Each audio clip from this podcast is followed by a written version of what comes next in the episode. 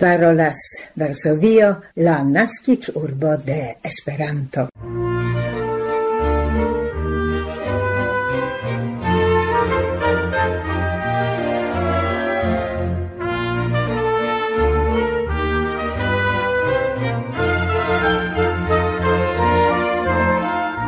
Coran bonvenon, gesignoroi, en la 1235 Esperanto el sendo de la Pola Retradio, audiranta la quinan de aprilo 2023.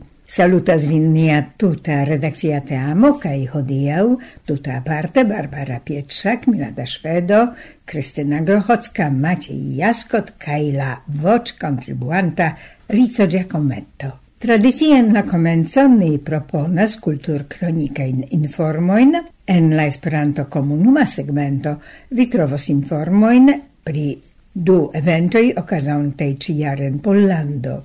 Pri tiu en Bialistoko ni jam parolis antau quelca tempo kun representanto de Bialistoka Esperanto Societo. Hierau, gesignoroi, pasis la sesdek kvarada treveno de la establo de la unua profesia Esperanto elsendo, Esperanto redakcio en Pola Radio.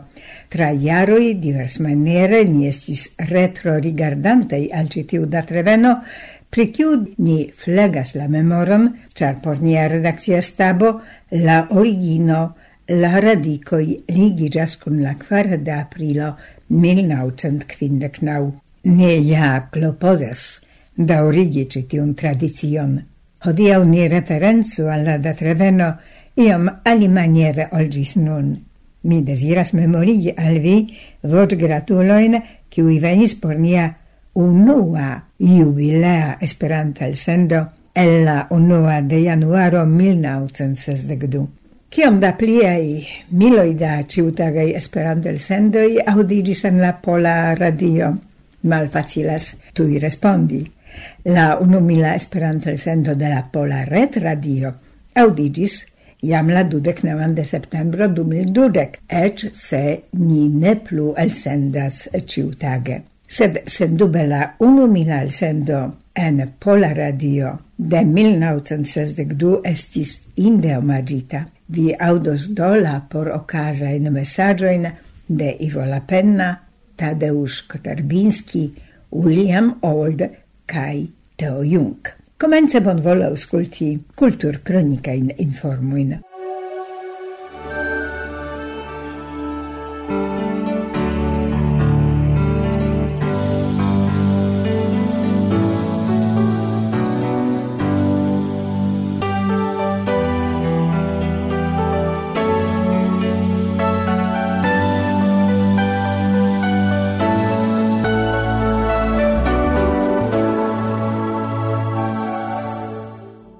cent dudek du pascai colorigitai kai divers technice ornamitai ovoi el diversai partoi de Pollando estis alsenditai por la nuniara kvindek aldono de la tutlanda concurso por la pasco ovoi organizata en Gorzów Wielkopolski en la occidenta Pollando. Ec de la comenzo, tio estas ec de 1971, oni celas popularigi la tradicion de la ovo ornamado dum la pasca periodo kai profundigi la conoin pri citiu cultura tradizio tradicio heredajo.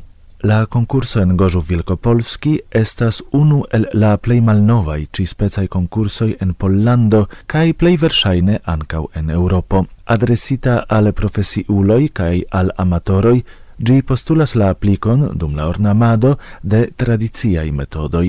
La concurs laureatoi ornamentai pasco ovoin lau diversai technicoi estis annoncitai dum la jus pasinta palma di mancio, post cio la premiitai pasco ovoi cae aliai concurs laborajoi estis presentitai al la publico. La accompana evento al la quindeca al dono de la concurso estas la exposizio de la pascai ovoi, kiui partoprenis la antaua in concurs el donoin. La pasco ovoi, senditai por la concurso, farigas la proprajo de Gožuf Museo, nan kio en gia collecto trovigas iam circa kvar mil pascai ovoi.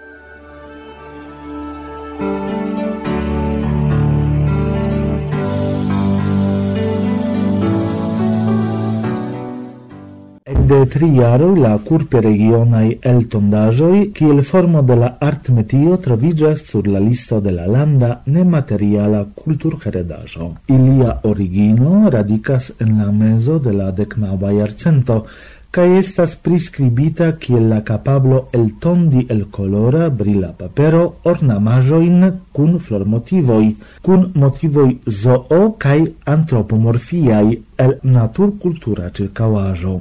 Al la plej popularaj formoj apartenas kai dentumitai ornambendoi etai arboi kai plantoi stilizitai ilio floroi steloi el tondajoi presentantai birdoin cevaletoin arbaron kai similain. Nun, dis la quara de maio, eblas rigardi la plei belain maestrain productoin en exposizio de la Podlakia Museo de Popola Culturo en apud Bialistoka Vasilkovo.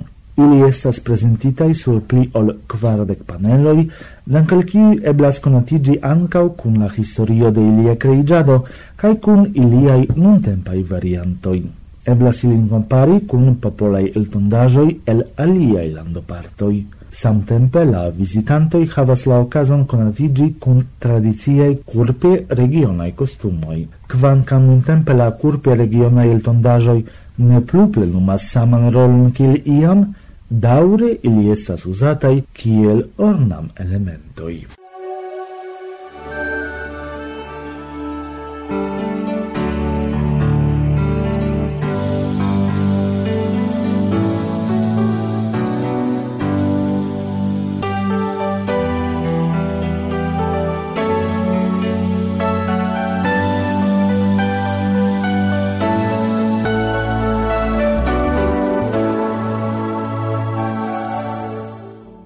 daurigas la programon de la Polare Tradio. Parolas Varsovio, naskic urbo de Esperanto, la Milan Fojon.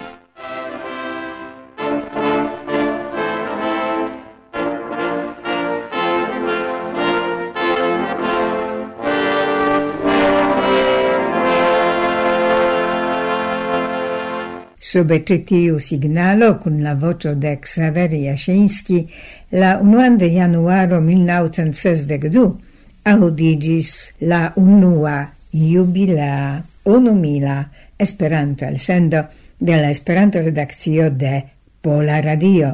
Por niei auscultantoi, por nia tuta Esperanto comunumo, sendube aparte cortusei cae emocigai, estas nun la vocioi audiginte in ĉi el sendo.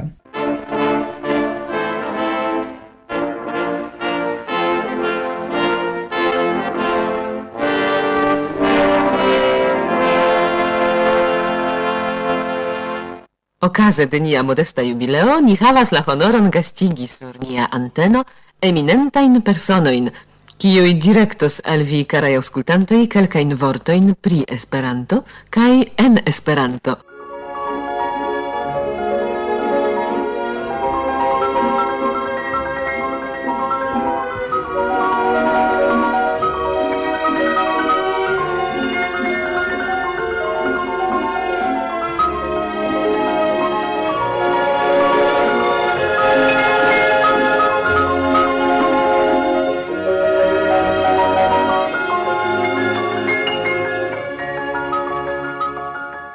Londono transdonis al ni sian eldiron la generala sekretario de la Universala Esperanto-Asocio, profesoro doktoro Ivo Lapenna.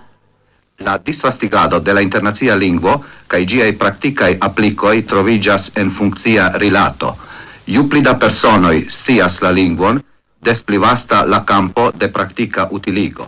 Kaj inverse, ju pli vaste ĝi estas uzata en la vivo, des pli facila la tasko plue disvastigi ĝin. En tiu reciproca influado, la uso de Esperanto en la radio ludis kaj plue ludas unu el la plej gravaj roloj. Kiel konate, la internacia lingvo penetris en la radion relative frue. La unuae distaudigoi ocasis jam en 1922, kiam estis faritai provoi prescau samtempe en Londono cae en Usono. En 1923 plurai radiostazioi dissendis por la unua foio completa in programo in, en Esperanto. Moskvo la 12 de aprilo kaj iom poste Montreal kai Rio de Janeiro. En 1924 sekvis esperantlingvaj radioprogramoj el Praha, Genevo kaj Helsinki. Ekde tiam la internacia lingvo restis sur la radio ondoi de diversa longoi sen interrompe ĝis hodiaŭ kun la escepto de la militaj jaroj. En la postmilita periodo, tute speciale ec de 1959, la Esperanto faco de la Pola Radio farigis unu el la cefai bastionoi de la elsendoi en la internazia lingvo. El 1668 Esperanto programoi, kiuin disaudigis dudec du radiostazioi el dec tri landoi nur en la jaro 1960, alla Pola Radio appartenis 366 elsendoi, kiu dauris entute pli ol cent octec horoin. Cai tio estas recordo concerne kai la nombron kai la dauron. La perfecte correcta linguo, bela prononzo, riccia kai multflanca enhavo precipe de la culturae programoi, havigis alla pola radio, kai pere de gi alla pola popolo multa in geamico in cie tra la mondo. Effective, la Esperanto programoi de la Varsovia Radio nun tempe ja estas parto de la ciutaga vivo por miloi da personoi de diversai religioi, malsamai montconceptoi cae politicae convincoi en grandai nombro da landoi. La Esperanto elstendoi de la Pola Radio firmigis la posizion de la internazia lingvo en ciui radiostazioi, kiui jam pli frue disaudigis en Esperanto, cae instigis quelcain aliaen en conduci la lingvon por siai programoi. Seque, ne nur recte, sed ancau mal recte, La Esperanto el sendoi de Varsovio havis kai conservas el staran pozicion en la praktika aplikado de la internacia lingvo kaj paralele por gia plua disvastigo. Ocase de la mila el sendo mi directas en la nomo de Universala Esperanto Asocio kai en mia propra la plei cora in al alla Esperanto fako de la Pola Radio pro sin sindona kai efika laboro. Samtempe mi utiligas la okazon por esprimi la plei varma in bon desiroin al giai cun laborantoi cae al ciui auscultantoi por la nova jaro 1962. Gi estu felicia cae prospera por ciui, gi al portu alla homaro pazon cae tranquilon. Gi signu plia in progressoin de la internazia lingua en ciui directoi.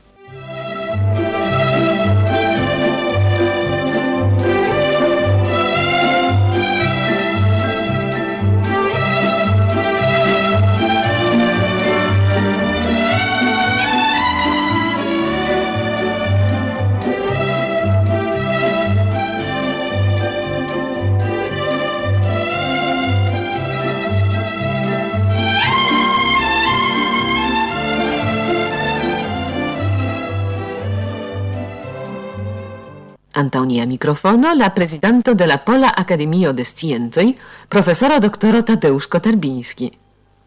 Mi ekkonis Esperanton kiel lingvon internacian, tre simplan kaj facilan, atingeblan por ĉiuj. Mi studis la gramatikon kaj lernis vortojn legis gazetoin cae libroin eldonitain en tiu ci lingvo, mi ancau lernis parcere textoi. Gis hodiau mi exemple memoras versajon de doctoro Zamenhof. Ho mia cor, ne batu maltrankvile el mia brusto nun ne saltu for. Iam teni min ne povas mi facile, o mia cor. Hodiau estus al mi malfacile interparoli en tiu ci lingvo. Tamen, presita in textoin mi facile comprenas Esperanto, kies creinto agis sur la polanda tero, ne enspacigas tutece en la termino artefarita lingvo, char gi consistas el elementoi de etnicae lingvoi cae vivantai lingvoi indoeuropae estis gia modelo. Cio case gi estas plei razia el lingvoi al mi conatai. Cio lingvo plenumas du fundamentain funccioin. Gi estas ilo de la pensado cae ilo de la intercomprenigiado. Esperanto plenumas antaŭ ĉio la duan funkcion. Kvankam la unuan oni ankaŭ devas rekoni vivanta. Se oni konsideras la centojn da sciencaj kaj beletraj verkoj kreitaj originale en tiu ĉi lingvo. Ne malpli gravega estas ankaŭ la fakto che Esperanto estas fremda al rasismo, gi incitas nenies naziain ambicioin. La neutralecon de Esperanto tiu rilate, crom la simpleso, oni devas reconi kiel gian plei grandan valoron por las afero de interfratigio de la nazioi logiantai sur ciui continentoi mi povas certigi, che demandita pri mia opinio, mi ciam donos alla afero de Esperanto, internazia lingvo, plenan subtenon. Mi opinias la lingvon mem cae ancau la organizajoi de esperantistoi tre avantagia cae utila socia movado. Cun aprobo oni devas accepti la facton che in lasta iaro Esperanto trovas pli grandan ol antaŭe applicon en la sfero de la internacia inform intersangio. Precipe tio koncernas la radion.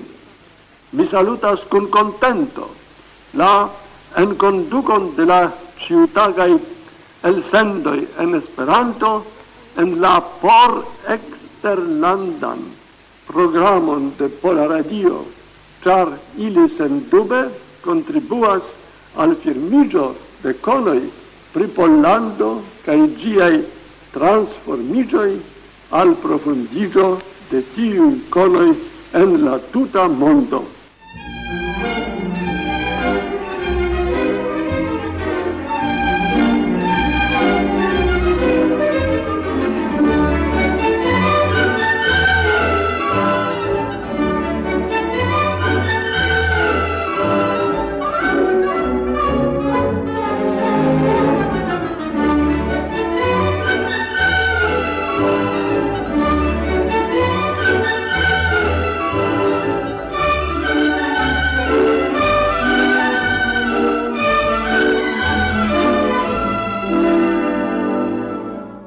la fora scota urbo alloa venis la vocio de William Old, el stara Esperanta poeto kaj ĉefredaktoro de revuo Internacia Esperanto.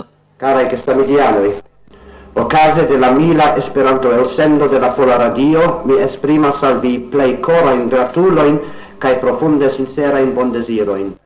Kun kiom da felicio che streccia interessigio ni esperantistoi e la plej diversaj e sekvis la informojn la arte in presentado in la prelego in che recenzo in chi in vi audigis al ni.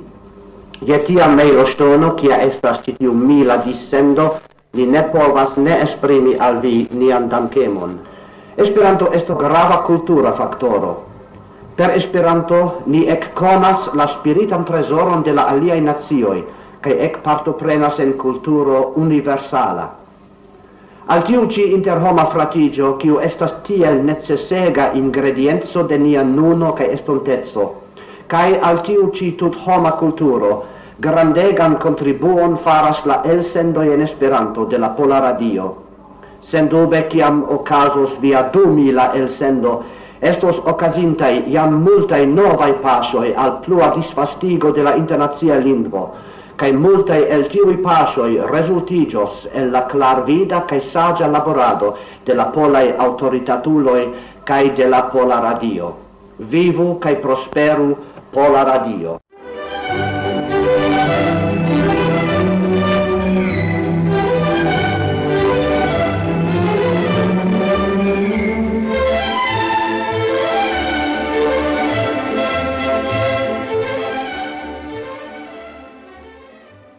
pri la jubileo de nia mila elsendo, memoris ancau Teo Jung, longiara activulo de la movado, gis nuna redaktoro de Heroldo cae talenta literaturisto. Karaj gesamideanoi de la Esperanto fako ĉe Pola Radio. Unue mi volas kore saluti vin kaj esprimi al vi mian contenton, ke en signorino Ada Figuera Sikorska kiu gis antone longe estis unu el la plej fervorei anoi de via stabo, mi trovis entuziasman kaj laboreman sequantinon por la eldonado kaj redattado de Heroldo. Due, mi volas esprimi al vi mian admiron pro la amplexo de la laboro kiun vi gis nun faris. Pli ol dec hoc jaroin mi besonis por atingi en 1938 la milan numeron de Herodo. Malpli ol du cae duonan jaroin besonis vi por atingi vian milan radio elsendon. Sendube estis necessa multa da entusiasmo, laboremo, pacienzo cae persistemo por atingi tiun unican recordon cae jubileon. Ocase de tiu via jubileo an komi direktas al vi mi ein korrein gratuloin kai bondesiroin.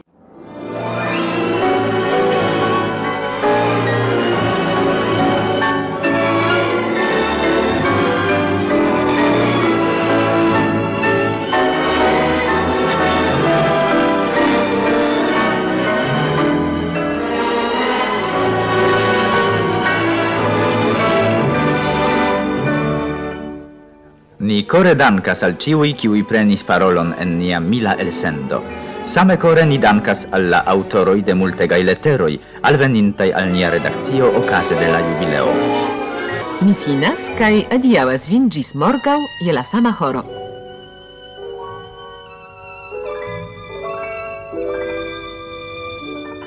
Parolas Varsovio en Esperanto de historio ni transiru alla nuno kaj do Esperanto komunumaj informoj.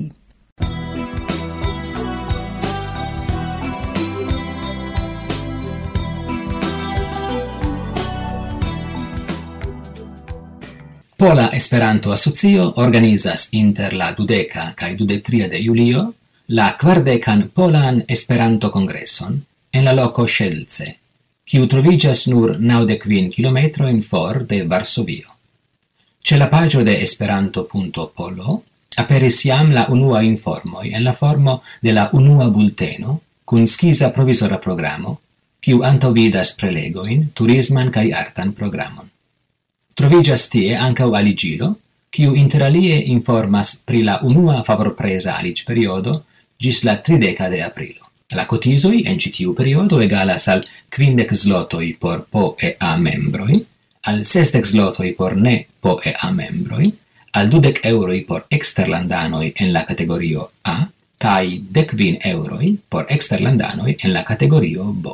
Nur Kainsema in poste, inter la kvina kaj dekdua de augusto, Bialistoco invitas por la sepdekdua congresso de Cristana Esperantista Ligo Internazia. Kun organizas Gin, Kelly, fondumo Zamenhof cae Bialistoca Esperanto Societo. La enhavo de la programo de la Congreso, kies temo estas dialogo inter religioi, estas completa kaj konsultebla ce la adreso espero.bialistoc.pollo. Gi enhavas riĉan prelegan programon, in turismajn ekskursojn kaj promenoin, artan programon. La aliccotiso por la partoprenantoi en la categorio A egalas al 300 zlotoi, en la categorio B al 200 zlotoi. Detala informoj pri la estadkostoj dum la congresso troviĝas ce la iam menciita adresso. Do bonveno amicaro mal malnova por amor en cabano multa pano kaj de amo plena cor. Do bonveno amicaro con salinde amacanto Kaj vi fartu bone sur la terdera sali la patrui de Esperanto. Kiel informis en Facebooko, Cielismo, la prezidanto de ICOFO, Internacia Komerca kaj Ekonomia Faggrupo, la Ĉina Edukministerio akceptas Esperanton por kvarjara bakalaŭra edukado. Tio signifas ke post la kvarjara Esperanto studado la studentoj rajtos peti ŝtatoficistan kandidatiĝon same kiel aliaj diplomitoj el la Ĉina Universitato. Iam antau kelka jaroi oni edukis dek uno diplomitoin en Cina Comunica Universitato. Tamen tiu studoi servis nur por el popola Cinio kai Cina Radio Internazia. Ili tamen essence differencis relate alla cifoia permesso de la Cina Educministerio, char nun la bacalaura educado ocasos lau mercata regulo pli vaste servanta alla tuta socio. Antau olla oficiala peticio estis directita alla Cina Educ Ministerio, La estrinoi de la universitato, Saos Huang, multfoje kun discutis kun IFEF por esplori ĉu vere ekzistas merkata bezono de esperantigitaj studentoj. IKEF presentis sian favoran starpunkton pri la merkata bezono, eĉ se ne granda. Tio signifas che se la classo havos queldec studentoin, la diplomitoi povos trovi laboron, Por curagigi la peticion, la presidanto de ICEF sufloris che la studentoi stagiu en esperantistai companioi en diversai landoi. Finfine la presidanto de ICEF ancau subscribis attesto raporton kiel fac autoritatulo. Tiel dico e eh, fo contribuas al starigo de Esperanto bacalaura educado en Cinio, cae citiu educado ancora dependos de aplica activado de ICO e fo cae aliai facai Esperanto organoi, organoj, la universitato ne volas subteni ci specan educadon nur por kelkaj dungotoj ce epo ĉo kaj ĉo iro. Cinio estas aktuale mercatisma lando, pli ol capitalisma lando. Pro tio lau presidanto de IKEF necesas rapide construi applican sistemon de Esperanto cadre de IKEF cun labore con giai filioi.